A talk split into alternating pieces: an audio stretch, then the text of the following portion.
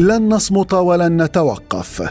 هكذا كان عنوان البيان الذي أصدره حزب الشعوب الديمقراطي الكردي ردا على انتهاك أردوغان الفج للديمقراطيه بإصداره قرارا يعزل فيه ثلاثة رؤساء بلديات من الأكراد منتخبين من مناصبهم ويضع مكانهم وساطا معينين بقرارات إدارية واصفا ما حدث بأنه انقلاب سياسي جديد واضح المعالم.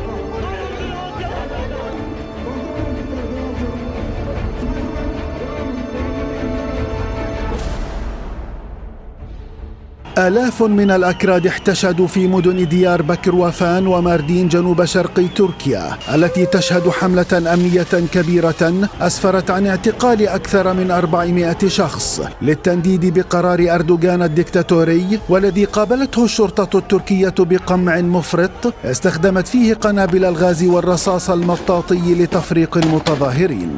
وكان أردوغان قد هدد في مارس الماضي بعزل وحبس الأكراد الفائزين برئاسة البلديات بحجة الانتماء لتنظيم إرهابي في إشارة إلى حزب العمال الكردستاني ليبقى التساؤل مطروحا هل ممارسة الديمقراطية جريمة يعاقب عليها القانون؟